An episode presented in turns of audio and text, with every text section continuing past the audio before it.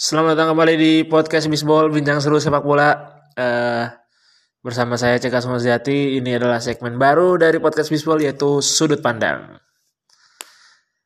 Uh, Sudut Pandang adalah segmen di mana si uh, monolog sendiri-sendiri gitu. Jadi kali ini tidak bersama Doni.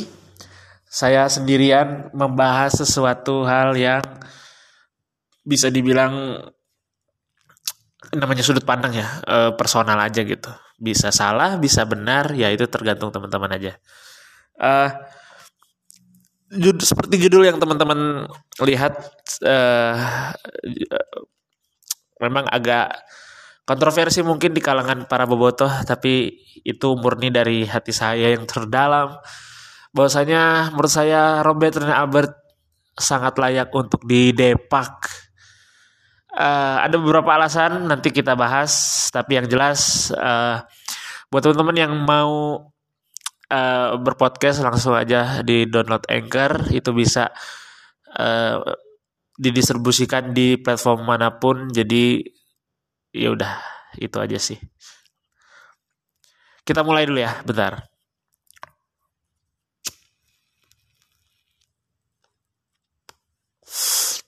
Robert Rene Albert sudah uh, di kontrak Persib dari 2019 uh, waktu itu diwariskan oleh skuad-skuad yang seadanya dari Milian Radovic. Uh, Sebenarnya saya suka banget Al Robert itu di medio 2019 di mana di situ Abdul Aziz sangat terlihat uh, ditopang oleh Omid Nazari ya strikernya Ezekiel. Walaupun saya tidak terlalu suka sama Ezekiel uh, kemudian ada juga eh, hal-hal yang menurut saya tidak tidak layak untuk Robert ini dipertahankan. Mari kita mulai bahas satu persatu. Di tahun kemarin memang Persib men, uh, mencapai target yang setiap tahunnya selalu tidak dapat. Akhirnya Robert bisa mencapai runner up dan itu prestasi terbaik Persib di liga. Uh, sebelumnya Persib itu selalu menang liga kalau ada sistem gugurnya gitu. Kali ini Robert di musim yang agak sulit ya karena kita main di luar kota dan sebagainya uh, dan sebagainya akhirnya Persib bisa finish di runner up. Cuman ada banyak hal yang tidak uh, sebagai bobotoh yang ngikutin dari zaman dulu ya Persib itu kan selalu main atraktif dan di eranya Robert ini sangat tidak kelihatan karakter Persib itu seperti apa. Dibilang pragmatis nggak juga sebenarnya uh, dibilang oke okay juga nggak juga gitu. Jadi sebenarnya apa yang menjadi yang menjadi target Robert untuk permainan Persib itu sistemnya seperti apa nih nggak jelas. Kalau kita lihat Robert di uh, Arema dulu yang juara 2010 itu udah jelas gitu. Maksudnya No Alam Syah itu luar biasa. Flanknya tuh ada Emri Duan, ada uh, Fahrudin, juga Denis Santoso uh, backnya Pierre Yangka dan lain-lain gitu itu jelas banget. Di Persib ini nggak kelihatan. Di PSM juga sebenarnya keli kelihatan juga bagus juga. Uh, ada Mark Lok di sana yang akhirnya dibawa lagi. Ada Wiljan Pluim ada Ferdinand Sinaga dan itu sinerginya bagus. Di Persib ternyata nggak segitunya.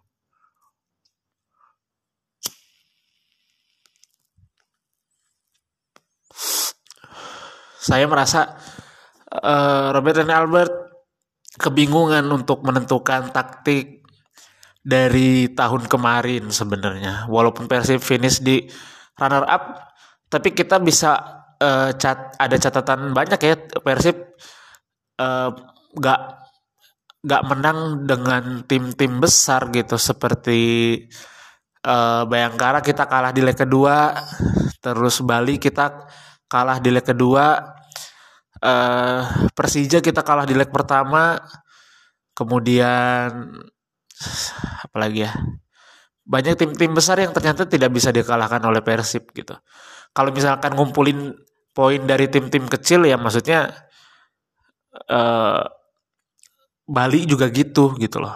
Maksudnya ba Bali yang juara tuh kenapa dia juara kan dia bisa menumbangkan tim besar sekaligus uh, ngebantai tim-tim kecil gitu. Tim-tim mediocre di Liga 1 dan Persib ini murni hanya menang melawan tim-tim yang sebenarnya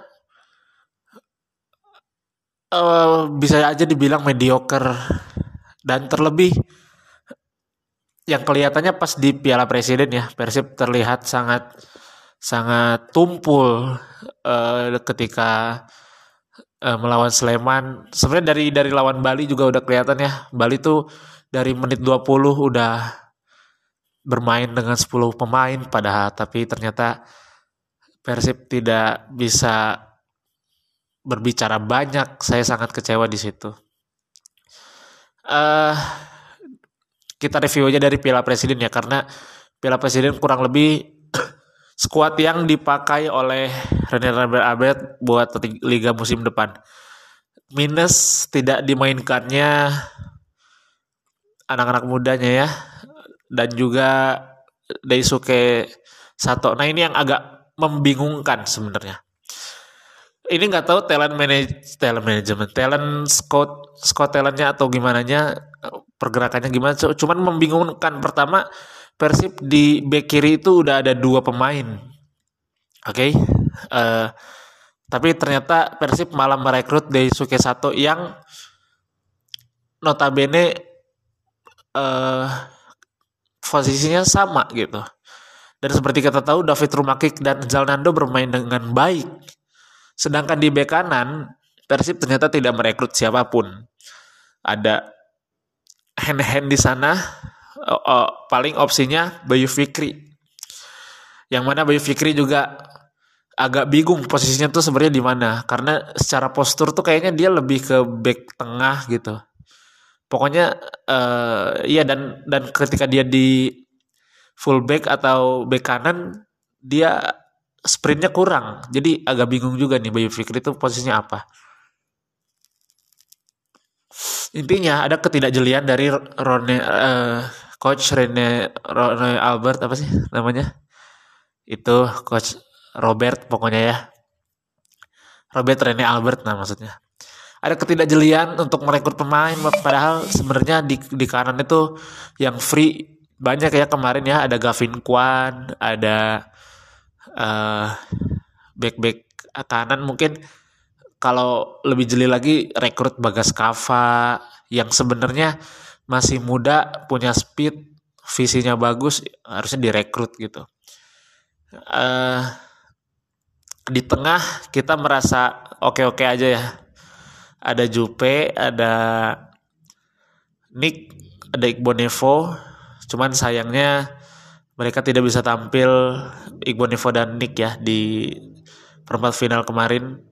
Akhirnya diganti sama Jupe dan Rahmat Irianto yang mana dua e, dua orang ini juga kualitasnya nggak kalah bagus bahkan Rahmat Irianto menjadi andalan coach Sintayong di timnas senior gitu.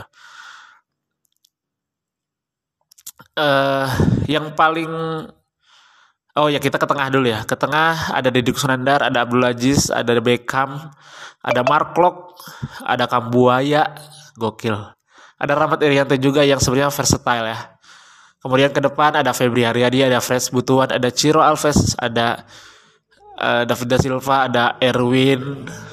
Uh, banyak ya opsinya. Sebenarnya di, di tahun ini skuad Persib terbaik secara kedalaman sebenarnya. Cuman lagi-lagi kita masih harus uh, prediksi saya harus bersabar ya untuk untuk untuk mendapatkan titel. Kayaknya nggak semudah itu karena kita bisa lihat permainan Persib tuh agak bim, bim membingungkan gitu. Uh, kita review aja dari lawan Bali ya lawan Bali itu Bali dari menit 20 udah 10 pemain dan ternyata masih gak bisa menang juga. Uh, gak tahu apa yang terjadi sebenarnya walaupun Bali juga memang bermainnya agak agak mendelay ya. Uh, bermain uh, bikin emosi Persib memang. Cuman selama itu rule of the game-nya oke-oke aja sebenarnya fair-fair aja bukan bukan berarti gak fair gitu. Kemudian lawan Persebaya, lawan Persebaya ini uh, agak nah ini nih uh, kalau misalkan coach Robert ini berniat sebagai turnamen pramusim harusnya jangan memaksakan pemain yang sebenarnya udah cedera kan maksudnya itu Ciro Alves itu udah cedera. Walaupun pada akhirnya dia dengan spiritnya luar biasa dia mampu mencetak gol di menit-menit akhir cuman harusnya tidak dipaksakan sih karena sayang juga kan akhirnya siapa juga yang rugi kalau cedera gitu. Itu kan dari dari menit awal sebenarnya cedera bahu itu tapi tetap dipaksakan. Nah ini agak agak membingungkan. Kemudian non Bayangkara uh, krisis pemain tapi ternyata kita bisa menang. Di situ saya melihat uh, orang-orang nggak tahu kenapa nggak nggak suka sama Didi Kusnandar ya. Padahal golnya dari David da Silva itu diawali oleh uh, long passnya Deddy Kusnandar gitu. Dan bermain cukup bagus juga walaupun memang dia bukan bermain di posisinya ya wajar-wajar aja kalau misalkan tidak dominan di sana. Cuman untuk untuk lawan Bayangkara Persib bermain sesuai kapasitasnya nggak nggak yang membabi buta menyerang menyerang menyerang gitu nggak uh, di sini juga saya melihat Fitrul Dwi Rustapa ya sangat bagus ada save save nya yang krusial. Kemudian lawan setelah itu baru lawan uh, Sleman ya. Nah ini ini yang menjadi titik menurut saya sudah cukup. Robert dan Albert kita sudahi saja sebenarnya. Bentar.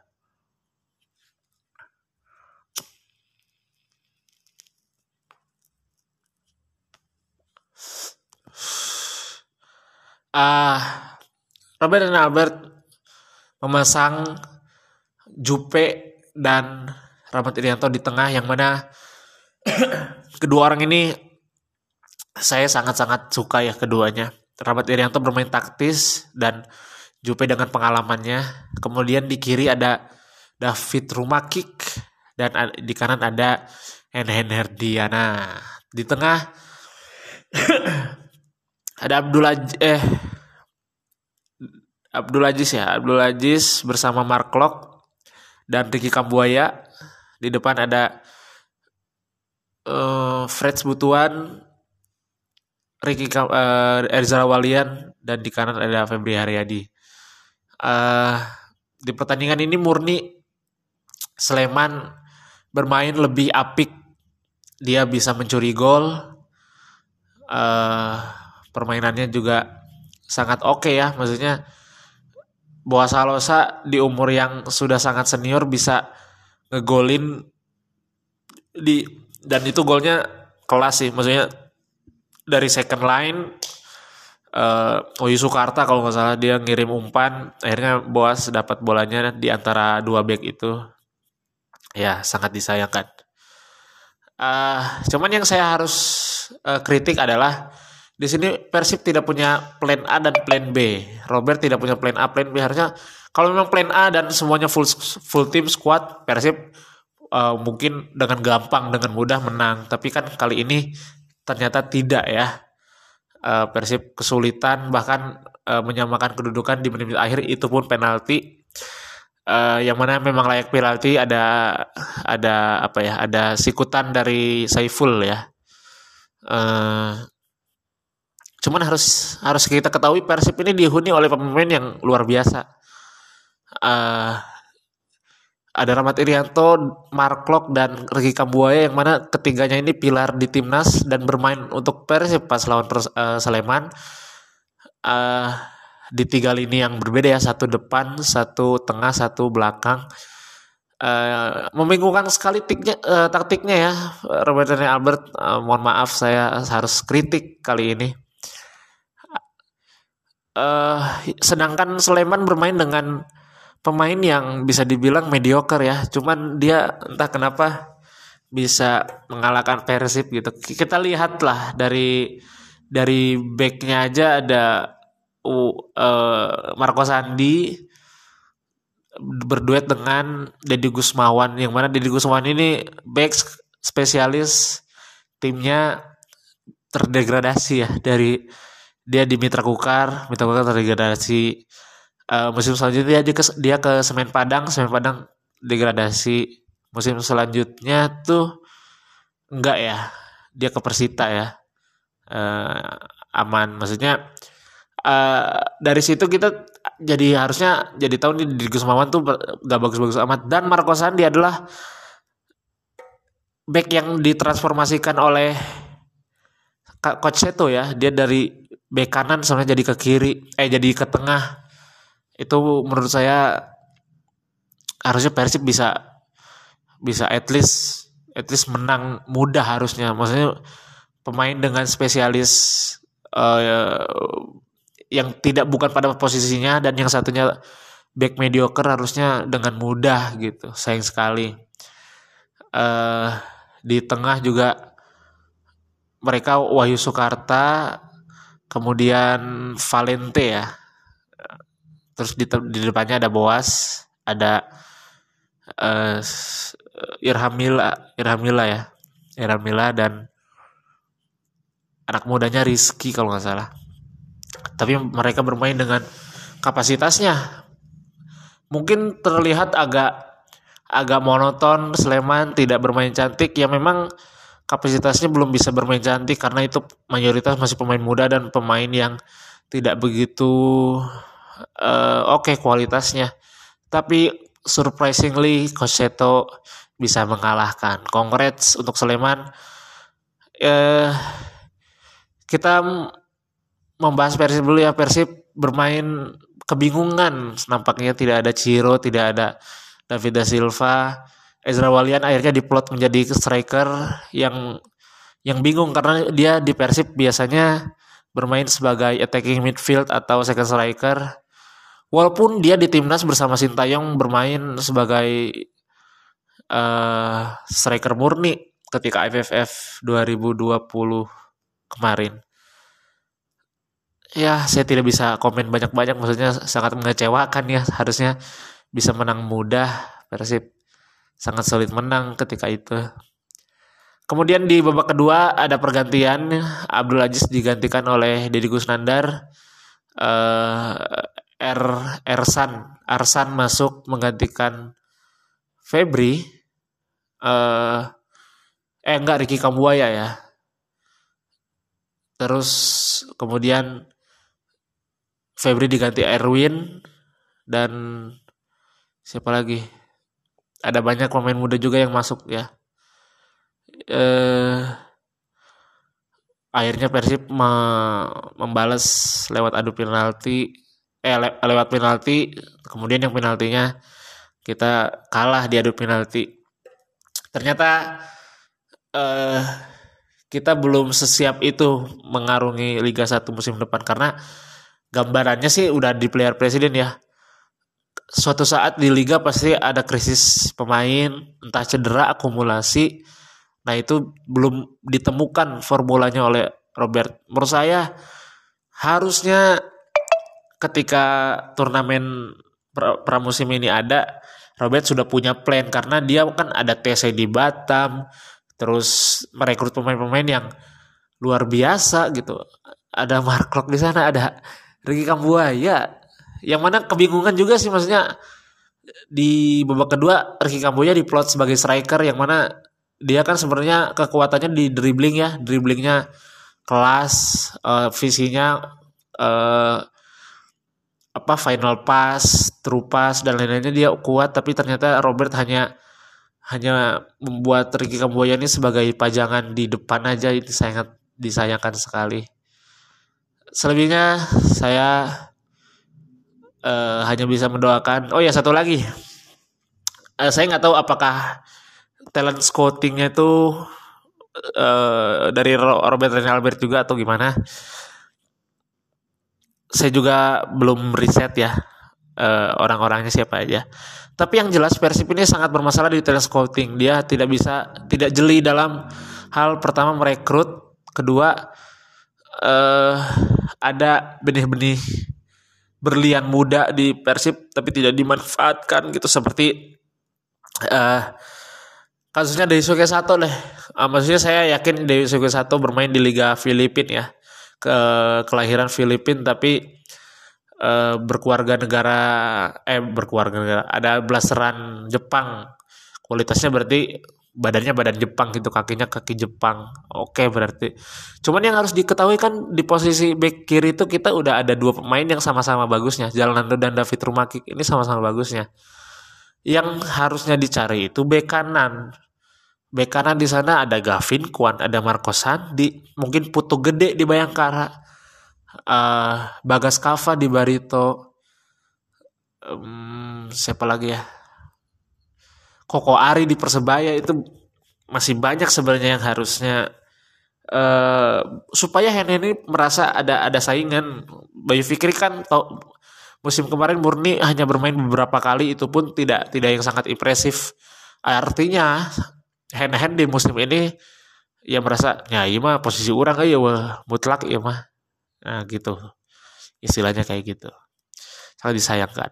Kemudian uh, yang tidak dipertahankan ya ada ternyata ada Ronaldo Kuate saya baru tahu uh, akhirnya direkrut oleh Madura United dan sekarang di timnas bermain sangat baik, uh, punya speed, uh, ya Kamavinga lah ya. Beda posisi aja yang satu striker yang satu midfield. Uh, kemudian si Er Erlangga ya, Erlangga kiper di kiper yang masih muda tapi dia perawakannya 190 cm ternyata dilepas juga oleh Persib sangat disayangkan. Uh, kemudian uh, Dewangga ya Dewangga tuh di 2019 sempat TC di, di Persib. Cuman nggak tahu Robert kecenderungan suka pemain tua mungkin ya. Pemain tuanya dipelihara. Yang mana Boboto geram juga di, di musim kemarin. Supardi akhirnya dihatur nuhunkan gitu. Tapi nggak tahu sekarang bermain di mana lah Bang Supardi.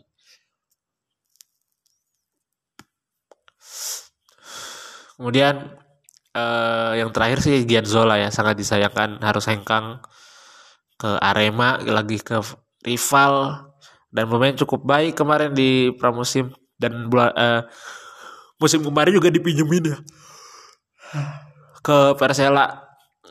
Saya nggak tahu pelatih apa yang tidak bisa memanfaatkan Gianzola gitu. Agak kebingungan juga sih. Sebenarnya Gianzola tuh bagus banget sebagai pemain. Walaupun mungkin ada permasalahan di sosmed mungkin dia terlalu uh, terlalu di sosmed gitu terlalu main sosmed. Cuman nggak masalah sebenarnya tergantung sikap pelatihnya kan. Toh dia masih profesional profesional aja kok gitu. Ya itu aja mungkin hal-hal yang uh, mengindikasikan saya ngomong Robert out sebenarnya dari dulu sih dari Piala Menpora saya udah udah menyuarakan. Cuman baru sekarang saya harus bersuara nih biar gak terlena juga nih Boboto Boboto kan kebagi, kebagi dua ya. Ada yang bilang Robert out ada yang bilang percaya proses maksudnya kalau dari 2019 dan di 2022 ini tidak ada hasilnya ya kita harusnya punya sikap untuk menentukan itu walaupun kontrak Robert ternyata masih di 2023 ya. Mari kita lihat progresnya seperti apa. Apa pun itu keputusannya saya tetap tetap menghargai Robert tetap di Persib, saya tetap support Persib. Cuman kalau tidak uh, ada perkembangan ya saya tetap kritik gitu. Yang paling uh, soalnya saya suka Persib tuh atraktif aja gitu dari zaman dulu ya. Uh, zaman Robi Darwis sebagai asisten pelatih, Coach Jaya Hartono itu Persib sangat bermain dengan baik, bisa uh, ada ada banyak variasi gitu, apalagi di zaman Janur di 2014 itu Supardi berduet dengan Ridwan di tengah ada uh, M Firman Utina, kemudian ada Ferdinand Sinaga di sana, ada Makan Konate di sana, ada Haryono, ada M Taufik. Uh, bermain sesuai kapasitasnya sebenarnya versi pada masa itu. Makanya bermainnya sesuai dengan karakter. Nah, ini, karakter Robert ini belum kelihatan ketika menangani Persib. Semoga membaik kalau begitu. Terima kasih sudah mendengarkan episode Sundut Pandang episode 1. uh, ini adalah segmen pertama episode pertama dari sudut pandang kalau suka boleh di share di instastory dan di tag at Cikas Gunar eh, at belajar realistis dan juga at Doni Donwaro oke okay? request lagi topiknya apa boleh langsung aja bisa di mention kita di story kalian ya atau DM DM aja di IG kita. Kalau begitu saya Cikas City keep baseball on your life. Thank you